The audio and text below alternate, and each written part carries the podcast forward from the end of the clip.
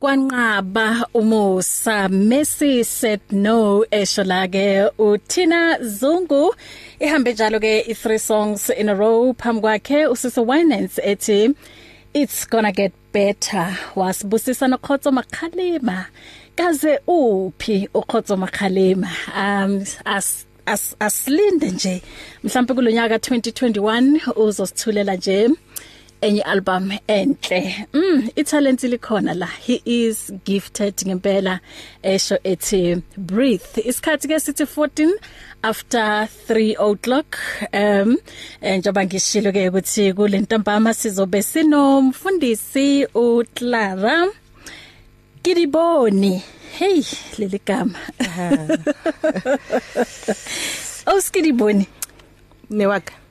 Oskidiboni newaka Hey, habari libitso libi ke seromo? Phela ke isikasitse sitswana leli. Yeah, itheme ngifunda incwadi yakho ngabona ukuthi sometimes libitso em mothola molatella exactly. Hape o di bone ka net i did. empilweni. And uyazi usesemusha kodwa ubone izinto ukuthi nabantu abadala kuwena badiboni yes so li libitso um siswam li lineni um gore latela ka tsela sa tshwanelang that is Yes. why it is very much important for people when they name their children mm, they have to mm, be like mm. aware of the names tse ba ba fang tsona because Yeah. when when you when you look at my name libitso le la Kidibon it's my second name actually Yeah. when you look at my name um le tlhalosa dilo tse tsotlhe tse ke di bone mo bophelong. Eish ene le tlhalosa gore um ke bone dintho tse dimpe for the age e ke leng mo yona. Mm. So ke di bone from bunyaneng ba ka ka tla ka di bona ke santsane ke gola as a teenager ka tla ka di bona as a young adult. So libitso la molatela ngwana. That is why it's very much important. When you name your child Yeah. itse gore o mo- Qaphela. exactly Yes. exactly. Ra homohela muhayi uyazi ngivele nje ngangena entabeni. Yes. em u- ukuthi nje ngikhunjuzwa ile ngoma kaThina Zungu ethi Messi said no. So umusa kaNkuluNkulu iwona okuthathile uyazi uNkulunkulu ube nawe. Yeah. waze waba la ukhona. Kunenye futhi ingoma yena uThina Zungu ayihlabelelayo ethi mm, eh ngingothandiwe uthi ngiphiwe igama elisha. Elisha, that's true. so namuhla mina angihlalanga nokidiboni. Ngiduthi No. leClara exactly yes exactly. uClara okuwukuthi wawubona umusa kaJehova. Mm.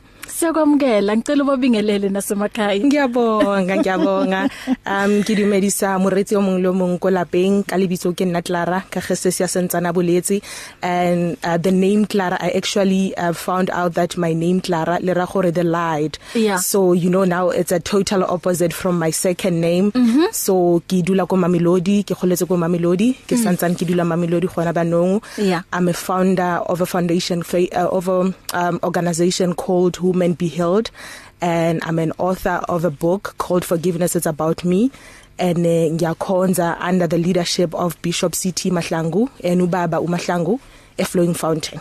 Ngiyabonga and nawe u uyapastara Yes. with the same church. Yes. kodwa ke useva under yena. I'm serving under uh, abafundisi bam yes. Amen. So ayikho inkinga uma ngithi pastor Clara. Uyibeke kahle. Ya uyena umfundisi uClara Mashabani njobe eh, echazile ukuthi uzalelwe khona eh, ngala ePretoria. Komami Lodi eh wila futhi ukuthi namanje use based khona. So lencwadi forgiveness is about me. Iyasho nje le, le title lokuthi ukhuluma ngawe lana and zikhona izinto ez- ezenzeka empilweni yakho. Kodwa ekugcineni kwaba ukuthi no matter kwenzakaleni kodwa kumele ngilalele lokhu uNkulunkulu akushoyo ukuthi wenzeni uxolele. Yeah. and uma uxolela akusho ukuthi lo muntu okwenze kabi u right yena.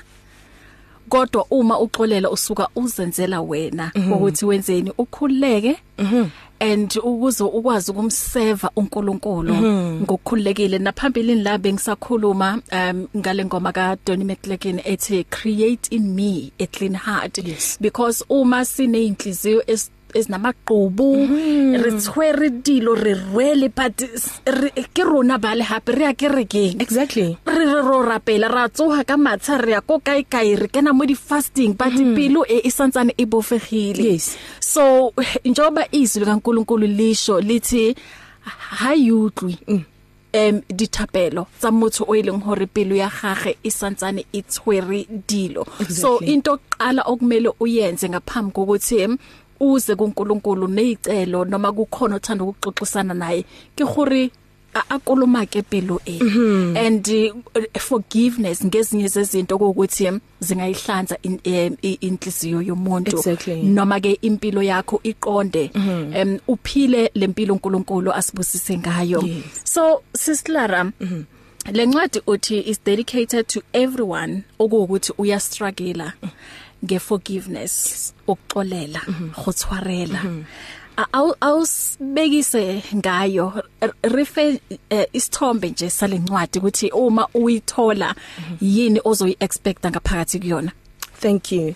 Um th this book it's it's a very powerful tool. It's a very powerful tool for everyone to have. Um it doesn't matter like the age from umuntu omncane to to an adult. Yeah. So what i'm actually saying in this book is that um a go khonege gore as a human being o ka tswela pele ka bophelo especially uma ukholwa that there is something vele uh, if isetse le gore pholisitswe re bana ba modimo that um like you just said manje ukuthi siyaqhubeka siyakhonza siyakhuleka siyenzani.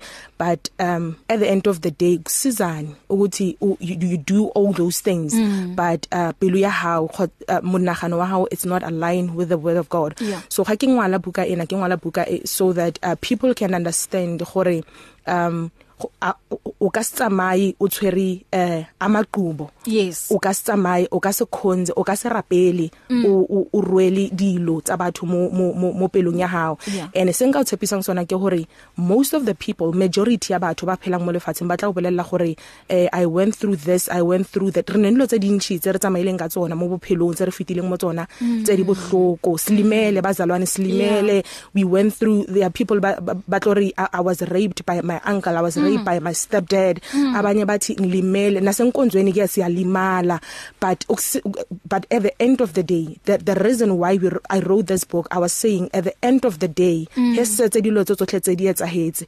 Go ne ntho one e leng gore modimo we require from rena go tshwarela. Go tshwarela. Go tshwarela. And, and and one thing e ke tlo bolellang ke gore when it comes to forgiveness we must know that forgiveness it is the will of God whether we like it or not but we are doing it because it is the will of God. Yeah Wow. Em ngifundile incwadi yakho. And yo ngibonile ukuthi you have been through a lot. Yes. Kodwa ekugcineni wathi ngizoxolela nanoma kuukuthi ngilemali kangakanani. Um and ulinyazwa ngabantu kuukuthi uh, bokumele uthole uthando kubona your family. Wathola ukuhlukumezeka ku your husband. Yes. and loyo muntu okuwukuthi umthole khona la ebandleni. Uyitshela ukuthi you know ngithole um a, good husband. Yeah. okuwukuthi sizoyihambisana lendlela okuwukuthi sizovumelana lapho sikhuleka kodwa zajika izinto. Yes. Mongena ngaphakathi. Wathola ukuthi ayi cha akusiyena lo muntu bengimbona seke ngomunye umuntu. Kubhlungu um Clara. Ukhula uthwele lobo buhlungu. Ikakhulukazi from your family uthola ukuthi they reject you uthola ukuthi bayakuhlukumeza ngeindlela ezihlukahlukile Yes. so wena nje sibekele udaba lwakho ukuthi wena wahlukumezeka kanjani emndenini wakho? So um na ke goletse ngakhula in a family of i think we were 16 if not 17 in the same house mm. so um growing up besihlupheka kakhulu sihlupheka and besihlala nogogo at that time my mom mm. was available but besihlala nogogo and now the abuse that we got in the family we Yeah. we used uh, the family used to abuse us ka ka tsela e leng gore because we didn't have our mother's home mo e leng gore we didn't have our mother's house mo e leng gore we can go ro dula ko teng mm. so we used to gore re dule ka molapeng la bona so go dula ha rona ka molapeng la bona uh, um na bakayetsa noma yini Yeah. ebayifuna you mm. understand what i'm saying mm. so ukudla nje ukudla ekhaya um sikhule sazi ukuthi you will never eat until you work for a plate mm. at the age of 7 you had to work for a plate so that so that you you had to work so that you can get a plate after that mm. and and and one of the things that um nayetsahala ka molapeng i think uh go betiwa it's not wrong kushaya umntwana but yes. the way nabare betha ka teng ka molapeng mm. and we uh, they will use uh, nabanene gore ba romele ko ntle gore tsamaya ro topella dijo if you want to eat something mm. we'll go and pick up stars mm. stuff from the dustbin so that we can eat so my childhood was very painful. That is why every people every every now and then when people ask me about my childhood the only thing mean I can tell them is that I remember pain nothing else but I remember pain. So I remember when I was I was 8 um my aunt bent me with a porridge. Um it was something that she did intentionally even if at the end of the day wayijika indaba ukuthi hi no it was a mistake kwenzekeleni mm. but the scar i grew up with that scar it was not just only the physical scar that mm. that you see but it it because i was bitter because i knew that mangikhula ngifuna ukufana naye. I, I want to do the same things that she's doing. Mm. So I grew up with that. And and at some stage in life um when when we were still in that same house of 17 uh, 17 people I was the only girl in that in that house. So mm. abazukulu bonke there were boys. I was the only girl. So one of the brothers took advantage of me. He used to molest me now and then. And and and ngakwata because i didn't understand why uh, so many people could not even notice that this guy was busy with me all mm. the time. So i became i became so angry. And that thing ikile yang getsa hore ke hloye motho wa monna. Gore ha ke bona motho wa monna ke be le ntwela hore this person is a monster. Ngakhula ngakhula uh, in that in that uh, environment. It was painful. It was painful. Our our childhood was very painful. And then i got saved. As i grew up i think i got saved when i was in high school. And then at some point in life I, they, I I got married. I think when I got married I was 23 if not 24. and I thought ukuthi yabona manje ngifikile mm, ngifikile mm, yabona mm. I, thought ukuthi you know the pain that that, that was follow me for from my childhood manje um everything is going to stop manje yeah. and and mind you I met this man enkonzweni hey. you you understand my yeah. point this man usindisiwe so I was like uh I've made it because now even your family is this um somewhere where I quote in my book and I say um even when you you, you tell your family that I met someone mm. the minute you mention to them that he doesn't drink he doesn't he doesn't smoke mm. um he's a believer they will be like you mntanami uthola indoda yabona mm-hmm. uthola indoda so I, mm. it was something like that I was like yeah you know what I have arrived. And I've, I've never seen a man like this in my family because um males in my family uh nabasatseni kereke batinwela bayira. But I saw this man and I was like wow. Mm, mm, but ngangena emshadweni. And mina ngangena kahle emshadweni ke ngangena kahle because mengikholwa ngiyakholwa. So ngangena kahle emshadweni. Then linyalo from kisathoma go tsena ka malanya linyalo sa la babima hmm. i was abused ka mo lenyalong ka tsela e leng gore um and and i was hiding. I was hiding. Remember I, i'm a pastor by calling. Yeah. So beside being a pastor there are so many things tse leng gore di re etsa gore re se be ra bua mm. when we are in in in in, in, in like in a toxic relationship. Mm. when you're married because your relationship it's not you you uh, I think one of the things that made me uthi ngithule ngalendaba ukuthi uh masoshada thina we we we had a, a um a bridal shower bathi mm. bayala bayala bomakoti yabona yes. so in that uh, in that session we we are being told ukuthi ditaba tsa komtsengo ha ha o bika tsona you, you know what i mean and you don't even tell your family if you can tell your family mme wa ha o tlo you know those were the things that kept me in that marriage even mm. if the marriage was painful mm. and one other thing that kept me in that marriage was the fact that you know what nginxekazi kaNkuluNkulu. Yes. Nginxekazi kaNkuluNkulu. Ngibatshelana abantu if nami ngiyaphuma. Yeah. Ngibatshelana abantu if nami I'm here and I'm saying um um I'm, I'm leaving this man I'm leaving this marriage. Mm. you, you know what I mean? Mm. so it, it will be like um, it, everything that I was preaching all these years it was a lie. Because so now you have to pretend mona abantu ukuthi yeah, everything yeah. is going well exactly ekhaya, exactly mm -hmm. but mofika endlini mm. impilo akusi akusiyona leyo bengekho impilo sithando sami mm. bengekho there were times my long we will leave like something like a, like 2 weeks a week singakhulumisani nasaphele gamnado kolapeni mm. bekunzima bekunzima kakhulu but you, you you always want to keep that fronting ukuthi yes. uh, we are happy ubaba nomama you, mm. you know what i mean we're mm. a family and and and you have this thing ko minding wa hao hore uzolunga ngiyakholwa ngiyakholwa you know and mm. and we, i don't undermine the the the, the, the amandla omkhuleko but you have this thing yokuthi you know what kuzolunga yeah yeah sure mm. Uyazi ngiye um ngezwe ubhlungu ngempela lapho ngifunda incwadi yakho mm -hmm. kunala uquote khona ukuthi the spirit of abuse mm -hmm. um that was um following you from childhood yes. now followed you in your marriage. True. So kusho ukuthi bowubona nje ngathi um uzalelwe vela mhm. um kulomhlaba ukuze uzohlukunyezwa. Hey and lento yagcina ikulimaza um wacabanga ukuthi ukucommit isuicide is the only solution. Yes. so what happened? Yini eyenza ukuthi ungagcinanga ucommit isuicide because i i guess you were depressed ngaleso sikhathi mhm so uh, what i can say ukuthi um I think what made me not to commit suicide.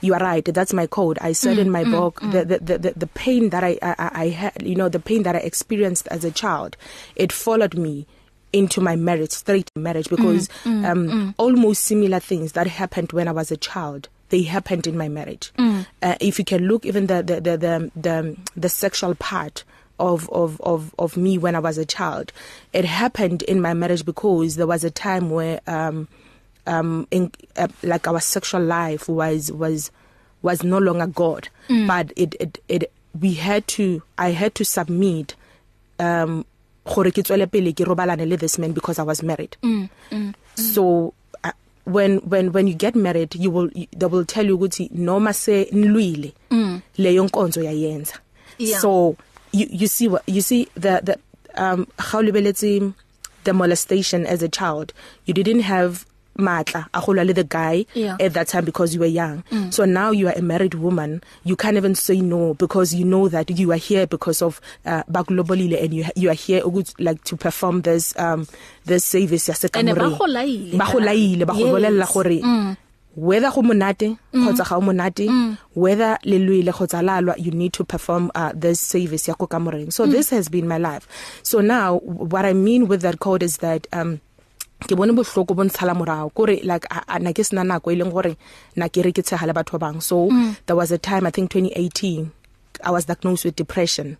And 2020 2017 and 2018 so 2018 it was worse because i couldn't control it and i couldn't control myself. So i was living on capsules. Prayer was no I, I, you know what? At that time i was no longer even like able to pray. I, was like uh, my life I, I used to depend on capsule like I will drink tablets every time sleeping pills everything just to numb the pain mm. and and at, at some time at some point I couldn't sleep so the only thing that will you know make me to go to bed like matsatsi a mang mm. na iba dipilisi so now ha ke fitla mo pointing o ileng gore na ke sele ke khona go nwa le dipilisi tsela i decided you know what i'm taking my life hmm.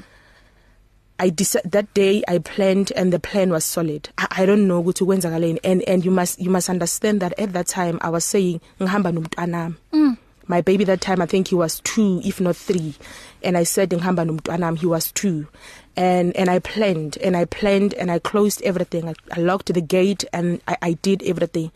But the minute that I wanted to start with that plan somebody knocked on the door. Mm. I don't know from where because the gate was locked. I made sure that I locked everything and the plan that day was very solid. I wanted to do it so bad. And now there was this person knocking at the, like on the door and I don't know ukuthi ubuyaphi lo muntu. Mm. But now that I'm healed I do understand ukuthi icebo likaNkuluNkulu ukuthi yeah. that person must come and knock I don't know gore tsene ko kae but, but that person came and knocked mm. and that plan ya go bolaya nna le ngwana it failed Sure. Yeah. uNkulunkulu esimkhonzayo ngempela unguNkulunkulu um onomusa and unguNkulunkulu onothando so ukusavile ukuze namuhla uzokwazi ukukhuluma udaba lwakho mm. and okuhle ukuthi uyabasiza nabanye abomama Exactly. uthi women um organization yakho ithini It's called Women Be Healed. women be healed Yes. so um u mentioned futhi encwadini yakho ukuthi most women are broken mm -hmm. and they are bleeding mm -hmm. so uthi women khulumani Yes. ngoba hiding the pain under leyo makeup noma leso smile ngeke sikusize ngalutho kodwa umama nangu uthi la uthi hey uyazi uma ngikhuluma abantu bayahlekisa ngami um you know why it's gore ba- rona batho ba bo meriang I know. o mongwe tla be a re hm nana hano o tla fella ko kae um jobo ubeka udaba lwakho ukuthi nawo bowuthula akere ba rile didimala ka di dilo tsawo tsa Tsa ko ko motseng wa ntlong. hao, exactly. yes because mm -hmm. someone o tlo di tsie a di berekise maybe against you or whatever or o tlo di berekisa gore a senye lapa la hao. Yes. so nangu umama uthi angazi ngikhulume nobani. Um because uma ngikhuluma ikakhulu ngazi ngu- ngingumama oshadile babona ngathi ngisihluleki Yeah. so so that that that that spirit of of thinking that you are a failure le nna kile sa ntshwara at some point. Mm, mm. so um i know that lebaka le leng la gore ke sa bolela like ka dilo tsena ke tsa mamogara tsona is because of that spirit. Mm. it's it's one spirit has ka o tshwara eh, go bima ho tswa mo sona because you are like if inka tswa mo lapeng la ka mo ke tlo lebelega ja ka motho a feitsing and at the same time another reason hape e leng gore ke lebetse go mention earlier on when we were talking it's it's the fact that uh, another reason why I couldn't go back home at that time it's because na ke tshaba batho gore batho ba tlo reng ge ke khutla ke khutlela gae. Because people saw me ke tswa ke ya motseng wa ka and then gore ba no ke nna o la ke khutlela high so that was one of the things that I didn't tshwarela ko morao. So now what I'm saying to women is that it doesn't matter your position mm. whether it's emsebenzini uh, um at, at church wherever you know it doesn't sometimes because we we don't talk because we have this you know big position still on we feel that if we can talk that uh, we are going through some things we think that uh re tlo nyatsa ga khosa yang. So now what what I'm saying is that um you quote uh or quote something worry um I wrote that women hide under the makeup mm, which is true mm, mm. so now I will say women must must must if you are going through some things mm. um abuse uh, specifically if yeah. you are going through abuse emshadweni you know talk speak. Bolela ka yona.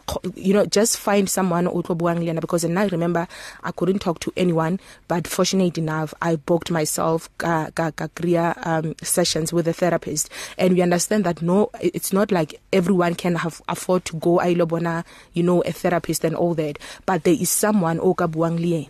And and and and gone ne nako ileng gore you can even get the social workers ileng gore they are free or what. But okusalayo what I'm saying or what I'm encouraging people to do is to speak if you're going through some things bua ka yona Mhm. Mhm. Mm. Mm. And kule ncwadi yakho ukhuluma ngokuxolela. So ubaxolele labantu ukuthi bakuhlukumeza. kahle Kanjani? Phela hey, ukuxolela eh, enye into enzima. Yeah. So u- ubaxolele kanjani? Kuze kanjani ukuthi usithathe leso sinqumo ukuthi nanoma ngindlule kulobu buhlungu noma bangizwise lobu buhlungu kodwa ngizobaxolela. ngifuna like always when I talk to people I say to people singakhohlisani. Forgiveness it's not easy. Yeah. kahle kahle forgiveness it's psychologically impossible when Mm-hmm. you tell someone ukuthi forgive kahle kahle you you you actually saying to to to that person gore a etse ntwe leng gore it's it's it's impossible Yeah. which which is understandable i know i know that uh, you can't say to a person o ileng gore ba mmolayetse ngwana ene wa bua re mo ena o re ke kopo ba tshwarele batho bao because psychologically it's impossible mm. but listen uNkulunkulu uyasinceda when it comes to forgiveness. Yeah. but eqaleni it has to be a choice. It it you know what? When it comes to forgiveness it must start with you. You must just say I decided mm. to forgive it you know what forgiveness is a choice Yeah. this is what we have to remind people all the time that forgiveness is your choice mm. whether you want to forgive people or you don't want to forgive you don't want to forgive people it's your choice but let me tell you every time when you think about that choice you must think about the benefits again zokuxolela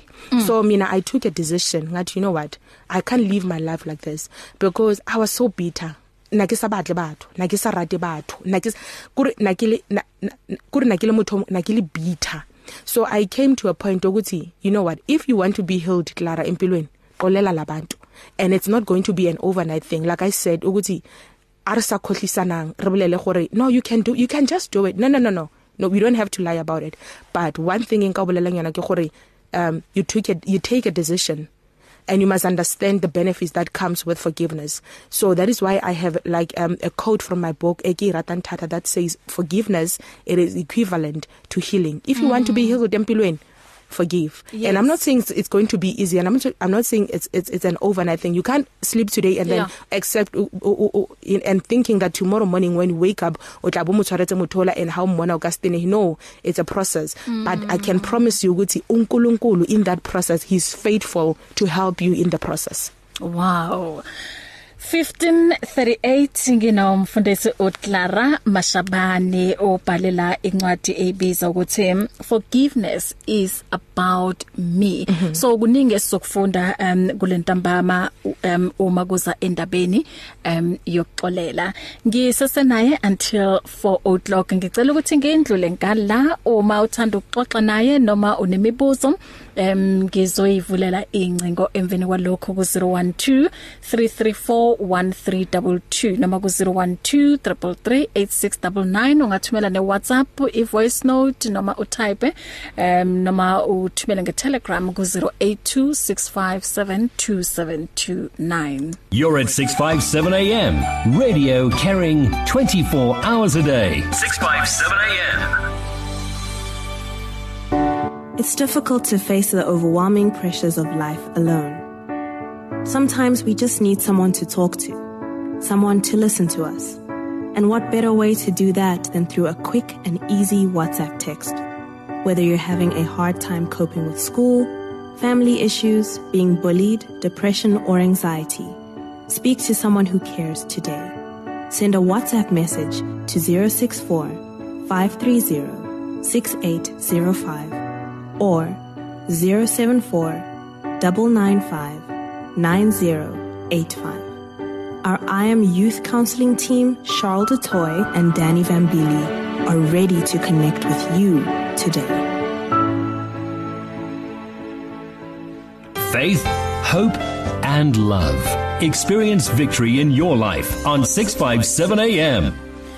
Isigaba ke sesibili lesi singenile la ohlelweni sijula ezweni. Now uma usanda kungena siyakwamukela hlala nathi until 5 o'clock. 20 before 4 o'clock kinale Muruti uh, Clara Mashabani wabhala nencwadi ayibiza ukuthi forgiveness is about me. Eh, njoba ke uzwile ubufakazi bakhe ukuthi hey nanoma kuukuthi ulimale kangakanani kodwa ekugcineni ukuze nawe ukhuleke uphile impilo enhle ukuthi uxolele. Em u- wakhuluma nolunye udaba la ukuthi em, even nasemabandleni abantu bayalimazana. And esikhatini esiningi um like ubuye lemotho saphulisiwanga um umtshela ngale ndaba ezimnandi bese uthi woza esontweni. And then mafika esontweni ulimala worse. Yes. or uthola ukuthi uyahlukumezeka. So u- u- la encwadini uyasho ukuthi i- ibandla okuwukuthi uma ufika kulona uthola ukuthi uyalimala lifana nebandla okuwukuthi li dysfunctional dysfunctional yes. Yes. And asixoxe le ndaba.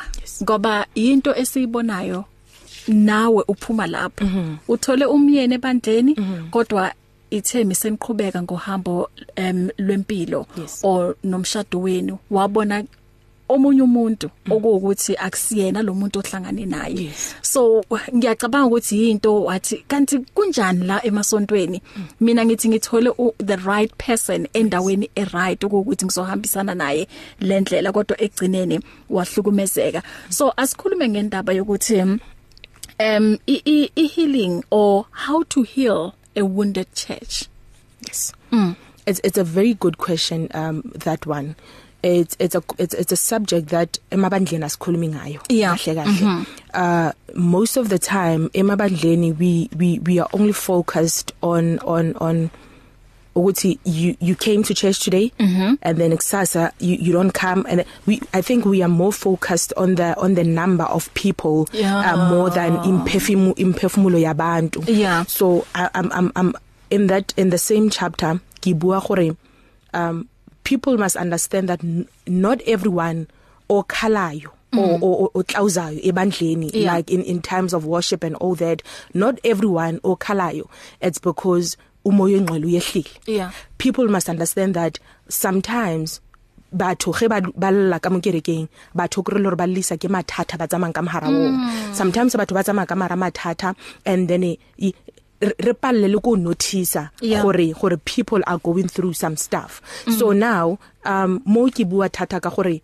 batho ga re ga ga re ga re ditsi di di emotional needs tsa batho ba leng ka mo kerekeng mm. we only concerned ka ka ka, ka the outer being utlile you you my sister you look good today mm. uh, but we don't we, we and and i think uh people are not trained enough to deal with the wounded soul in the church. Mm-hmm. Now when I say people now I'm referring to the pastors.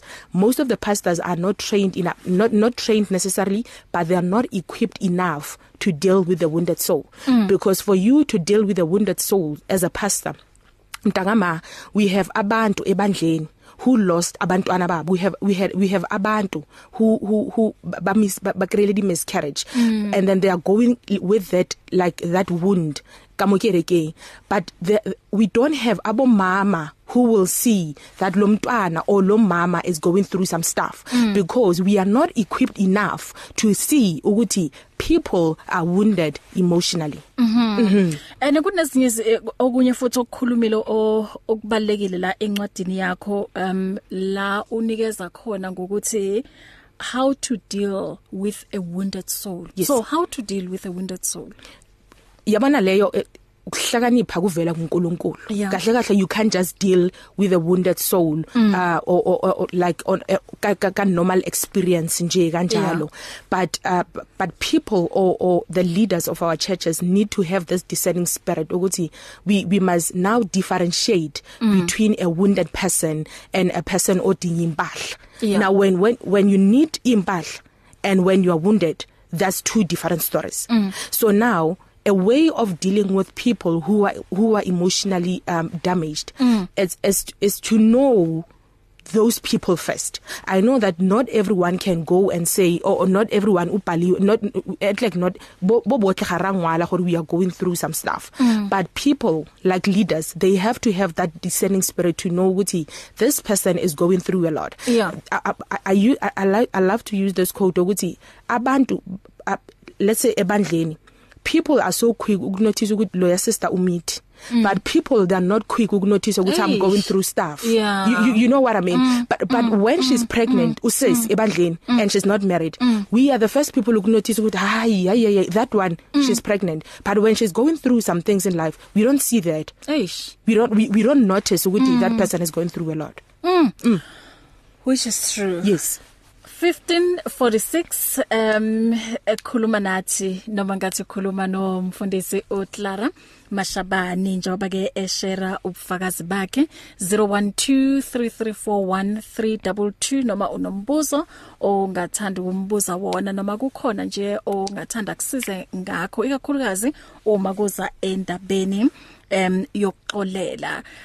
U- u- ukungaxoleli ku- kus affecta kanjani um ikakhulukazi spiritually and kus affecta kanjani futhi uh, physically So if you you you read one of the chapters in mm. my book this is where I explain how forgiveness uh, unforgiveness can affect you as a person. Yeah. So let's start with the the, the spiritual one. So ziningi I can like I think umuntu tlamele akrebuka Yes. so that atsamaye Yeah. through tsona mm. but I can mention one or two Yeah. you know spiritually and physically. Mm-hmm. So spiritually when you you you don't forgive you are affected in a way yokuthi you don't function very well eh, eh, eh, in, in, in like ezintweni zikaNkuluNkulu because mm-hmm. now you you are carrying this burden mtakama you are carrying this burden and and and and kahle kahle when we are pure when we are righteous with God that is where simuzwa khona uNkulunkulu. Mm. how do you hear, how do you like connect with the Holy Spirit when you are carrying so much burden? So in spiritually it affects us because we don't grow.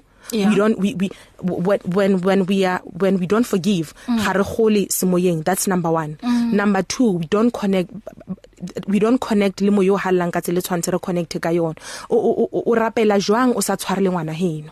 Go sa khathalatse gore ngwana kwene o etseng. Listen i always tell people gore when we say forgive we don't condone the wrong things that people did. Yeah. but we're doing it for ourselves we're doing it for the relationship that we have with Christ because at the end of the day mtagama the the the the, the goal here mm. is that re tshwanetse ro bona modimo bana ba modimo re ka se khonze all these years ukuthi at the end of the day silahlekelwa yimqhele njengoba Yeah. because we don't want to forgive mm -hmm. this thing of forgiveness ijule kakhulu you must Yebo. understand that if you don't want to forgive sewukhonze kangaka sewukhonze kangaka wanikela wa- you, you did everything but at the end of the day umqhele uyalahleka just Eish. because you don't want to forgive mm. and it affects us again uh, physically because i remember i'll give few examples with me when when when I was going through this unforgiveness uh, phase in my life I used to to uh, uh, there was a time where I used to to to use a pump asthma pump just because I couldn't breathe properly mm. you you don't breathe properly when you have this unforgiveness thing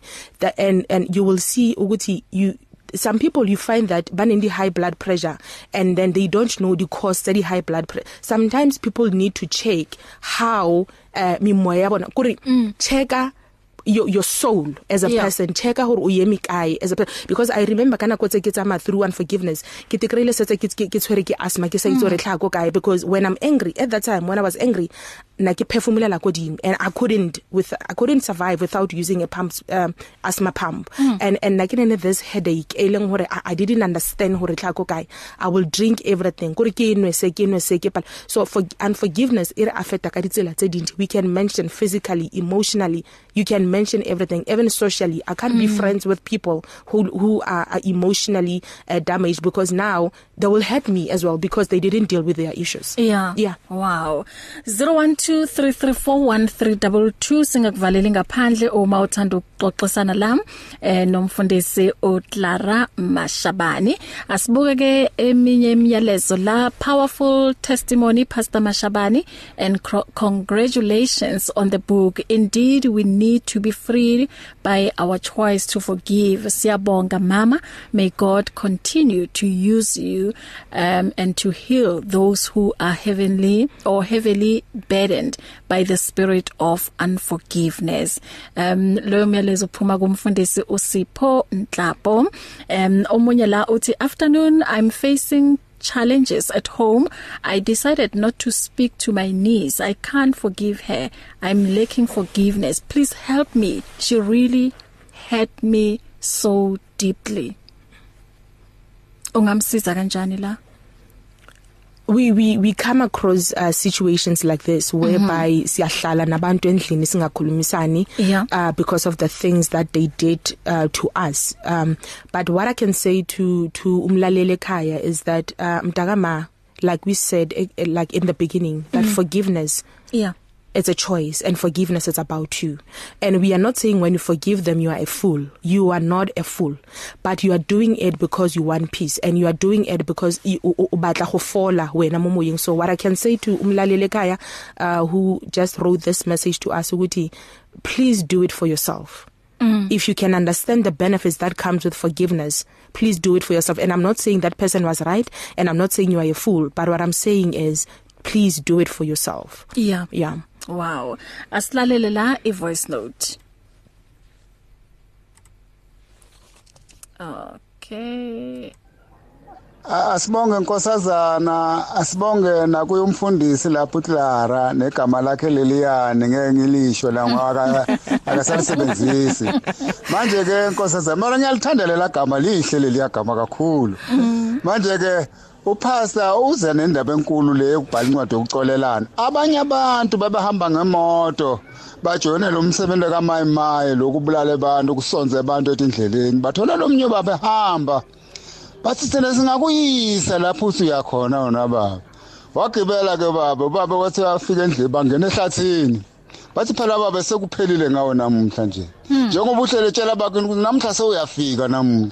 Wathi ngicoleleni bantwana bami. Bathi umuntu ocolela abantu uNkulunkulu thina sikwazi ukukucolela bafika ndawo naphi ke bamehlisa lo baba ngenkani upho ungabenzana abantu babili bamsusu shoba shoba hamba naye ehlathini bafika bamhenga esikhahlahleni bambopha. Manje bakhohle umese lapha es- emotweni lapha wathi hamba wena masireni uyothatha umese. Umasireni wagijima waya laphayani wathi uma kafika masireni inyoka nibanyathela inyoka lapha emsileni uma bama laphaya ngale moto. Umasireni yamlahla phansi inyoka. Naye lo sicumbe loyo wasuka nathi hawu masireni sikwende njani? Umfokade ngabe sewuntshontsha imoto yami yini? Waya laphaya naye yamlahla phansi inyoka. Loya baba uthitheni ngicoleleni. Manje ke ukungacolelani kwethu kuba inkinga futhi ukuthina thina bantu. Kanti mabukosazana Kale mambo. Yabonga. Yeah, mm, example enhle ke le asinikeze kakhulu. yona. Yeah. Um um mfundisi ushilo uyasho la ukuthi forgiveness opens doors of Yes. healing mm -hmm. and love. And la uxolela khona it ku- ku- ku- kuzosho ke ukuthi manje ngeke usaba yilo muntu ozoheta abanye abantu ngoba kunalenkulumo ethi umuntu ohet uheta abanye abantu. Yes. So uma ukwazi uxolela kusho ukuthi you won't be able to hurt people anymore. It means ukuthi you won't be ang you won't be an angry person Yes. anymore. And if forgiveness restores broken Relationships, relationships yes. so ngezinye izinto lezi abantu abangasifunda Yeah. kule ncwadi yakho Yeah. asithathe la elayinini sawubona. Okay ngathi usehambile. Sawubona semoyeni Sanibona njani? siyaphila. Ninjani? Siyaphila siyaphila. Oh brother anonymous lo okhulumayo no ngithi ngifuna ukuthi ngiyabonga kakhulu nenge topic le enikhuluma ngayo. Hey, very very touching indaba ye forgiveness. I'm actually one of the people who struggle with forgiveness kakhulu kakhulu kakhulu. But seeing ukuthi there are people who go through into e worse than umuntu that umuntu has gone through it really gives umuntu inspiration and reason ukuthi umuntu must try to forgive even though kunzima. Mm-hmm. one thing about the forgiveness it's not something easy. It's very very very difficult. Mm-hmm. i mean it's years years uthola ukuthi you still battle with it but ngiyabonga kakhulu kakhulu nje ngeshow eni hole namhlanje Thank you. Siyabonga butami, Bye-bye. siyabonga. bless you baba thank you um asize ngala um sawubona semoyeni Sawubona yebo ma ninjani? siyaphila wena njani ma? Siyaphila kahle. Thank you. Dala ngingasakhulumi nawe mntasekhaya. ah kudala yebo. Ngiyabonga ukuthi ubuyile. Hayi ngibuyile impela. amen mama. Eh, ngiphethe le topic ethi ngindingele liqala nomfundisi lapho. Siyabonga mani njani? Yeah, nami ngekisho igama lakhe ngoba ubaba wami wakhe wathi umntanami usingiza ngalo ngala ngathi mina ukhumuza. yeah mhm That's true, that's true. Yeah. So, eh i-topic ye forgiveness eh, ba- ijulile kakhulu futhi. and yiyo le ubonana namhlanje South Africa ingangilendlela futhi angingathi South Africa umhlaba wonke jikelele Mhm. asikhona ukucolela Yeah. eish and thina ngokwethu impeleni ngeke sikhona ukucolela ngaphandle koNkulunkulu Exactly. uyiyo sikhonisayo Mhm. mina ngiphila ngayo ngipreacher day in day out because imina uNkulunkulu uyangisebenzela ukuthi ngikhona ukucolela Mhm. yeah ngaphandle wena ngokwakho nginyama ngeke Angeke, yeah, true. angeke True. eh but uNkulunkulu kuyenzeka lula futhi Hmm. mawunoNkulunkulu and yona is a process It is. Ukuthi sengitolele sekuphelile kwaphela kwaphela ngizokhosa futhi Mhm, mhm. asingakhohlisi njengoba asho umfundisi Yes. kodwa uNkulunkulu uyasikhonisa. Lokho mina ngakufakaza nganika ama example amaningi ningi ningi Mhm. noma ngiphishela abantu ngibatshela lokho ukuthi uma sithi sibaka Christ aphila yep. Sizokhona. Bathi thina ngokwethu ngeke sikhona singanayo uChrist Exactly. njengama Christ sifanele sikhona ngoba uChrist uphila ngakithi and yena wakhona wathi mina ezuhlungu owuzange kuthiwe umunye umuntu futhi ongeke kube nomuntu ozobuza emhlabeni ukuthi ashayelwe ngezikizi nelona yinifa Mm. wakhona ukuthi baba baxolele Baqolele, ngoba that's true, that's true. yeah Yeah. so maphila phakathi kwethu nathi sokhona ukukusho Indeed. No, that's Yeah. true, ma. Siyabonga. yeah ayi ngiyathanda i-topic le kakhulu ayi ngipreach cousin wami omunye sokugogo besasho last week athi ukhona kanjani ngithi ngoChrist ngiyakhona mina ngokwami angikhoni mangifunda la kuba Kolossi 3 Mm. eh verse 13 ithi make allowance for each other's fault yeah and Yeah. forgive anyone who offended you mm-hmm. remember the lord forgave you yes. So you must forgive others. That's you true. must ayithi ama condition you must yeah. Siyabonga. Siyabonga ma siyabonga uma kakhulu. Usara ibread oh mamsaro umkhaya wami. Eh eh awusangithi dala ngiyasethi thank you mama. Siyabonga ma. Siyabonga thank you bye. Thank Bless you. okay asingisiye ngapha masinya sawubona Hello sisibahle yebo babvilakazi ngiyakubulisa ngibulise no- no- no- nomfundisi uClara Mahlabani siyabonga baba ninjani? Siyabonga nkosazana indaba yakho yasithinta ngempela. Ngiyabonga ba yeah uyazi emasontweni sihlangana nabantu abaphuma kuma families ahlukene. Mhm. So different cultures lapho ziyahlangana yeah and sonke siye lapha ngoba siyagula. Yiko siza kuJesu Kristu. Exactly. Ukuze uthola impilo. Kungena ubaba nomama abaningi. Abanye babo labo baba they are pretending. Yeah. Bafana bafana ne church bell. Yazi church bell iyakhala ibiza abantu. Kuyafana Yeah. abangena nifala ngaphandle. Mm mm. Ayingene esontweni iphelela Exactly. ngaphandle. Oba obanye obaba bazele kuzothola umfazi nabo mama bazele kuzothola indoda lapha e- ebandleni. Mm.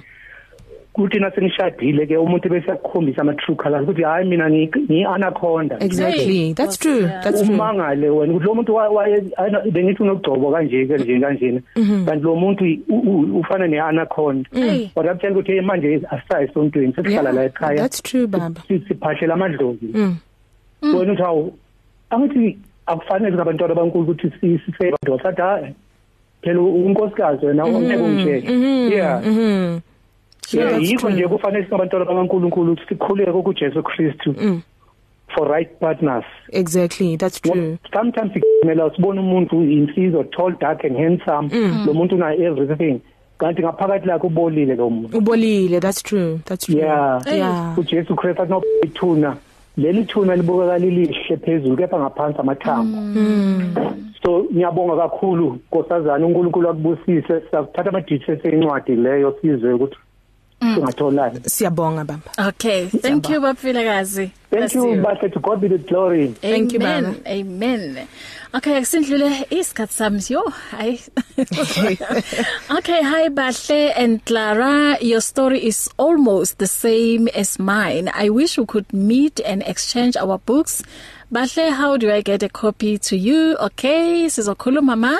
Uthi uh, this is life changing. I wish we could have a seminar on this. Men and women of God, let us get together and pray and be able to forgive. What my ex-husband died on the 7th February. I attended the funeral with peace because I have forgiven him. I left our house. He remarried and had two children but died alone having kicked the wife. The same way he did to me. Hmm. he was found by my son. Yo Yo. already dead. Yeah oh. Yeah the title of my book is break out uh, break loose break free. Yo. Okay um mama ngizothatha inamba yakho la and usisiclara naye uzoyishiya inamba yakhe before yes. aphuma ngala uh yeah ukuze ngiyithole nami icopy yencwadi yakhe Yes. ngicabanga ukuthi hey Yeah. yeah kuningi Kuningi. ukuthi angakshare nathi Exactly. asilalele nansi la i voice note Sisibahle ngiyakubingelela egameni lenkosi Jesu. Ngicela inamba yakakhethiwe angitholanga kahle ye WhatsApp. Thank you. Okay. Inamba kakhethiwe ma uh, u071 448 2332 okay? Ithi silalele enye nansi la i voice note. Mfundisi Clara. Ngiyabonga for this powerful testimony. Kodwa le topic imvusele amaciba. yeah. Lena I went through a lot in my life. yeah.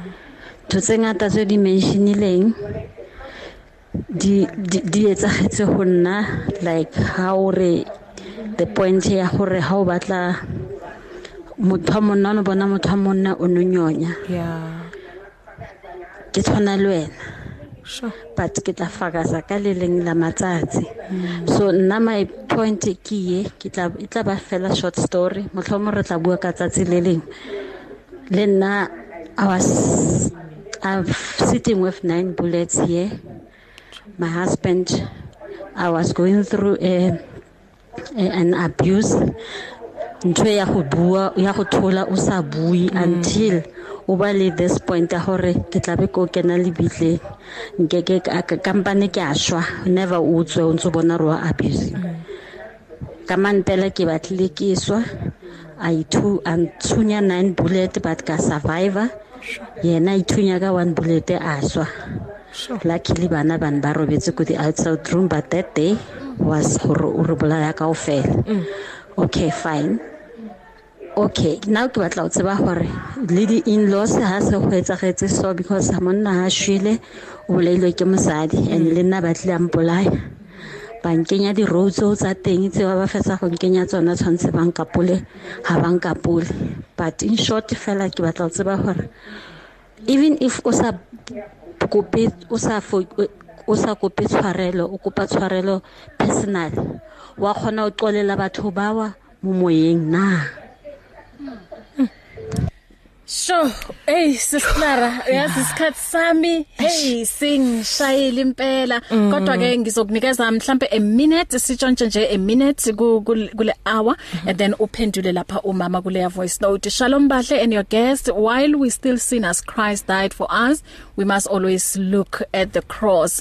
You had you had to be wounded for God to heal you and through your wounds others were healed like we are healed. Through the stripes of Jesus.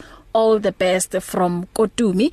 In a minute nje um ukhuluma nalo mama othi wathola nine bullets, nine bullets yes, yes. um i'm i'm sorry for for what happened to you ma but um now you had a question where you asked me ukuthi is it possible ukuthi can you forgive yeah. and especially now she's talking to the about the in-laws because now ubaba washona mm. so mina what i can say Thanasam is that you can forgive uh, uh your in-laws i will share the other time now because we don't have time but i will yeah. share ukuthi nami how how how did i how did they treat me after sihlukana no baba so there are so many things that happened after da re setse re khaogane le ntate tse leng gore i experienced them from my in-laws mm. hence i'm saying now because we don't have time but the time re tlo ba le nako we will share ukuthi i think yes yo we need a seminar but anyway we will talk yeah, about it yeah. the other time abafazi sithwele kahle kahle namadoda yeah. but abafazi we still mm. so what i can say to the ladies that Thanasam you can forgive them and it can it can come you know through like from your spirit you can forgive them and ngempela ngeqiniso uh, because you are not the only one nathi sandlula lapho ukuthi now we don't even have a relationship with our in-laws because mm. of how they treated us after uh, bana babona ba re tshwentse this is what i can say to her. Mm. yeah. Ausclara utholakala kuphi? Um ke teng mo Facebook. Mo Facebook ke nna Clara wa ga ke di bone ke lo change lebitso le. Unguthandiwe useso Ngithandiwe ngiyabonga ngiyabonga mntakama. So ke Clara ke di bone wa ga Mashabani that is Facebook. And then on Instagram ke nna Clara wa ga Mashabani and then my numbers is 071 9865 019 let me repeat the number quickly it's 071 9865 ngiyabonga. Thank you Sis Clara. So bazokuthola lapho uma bethanda ukuthi bayithole lencwadi kakhulukazi uma ungumuntu okuthi uya struggle ukuthi exactly. yes. God bless you. Iyatholakala incwadi yami is 200 rand.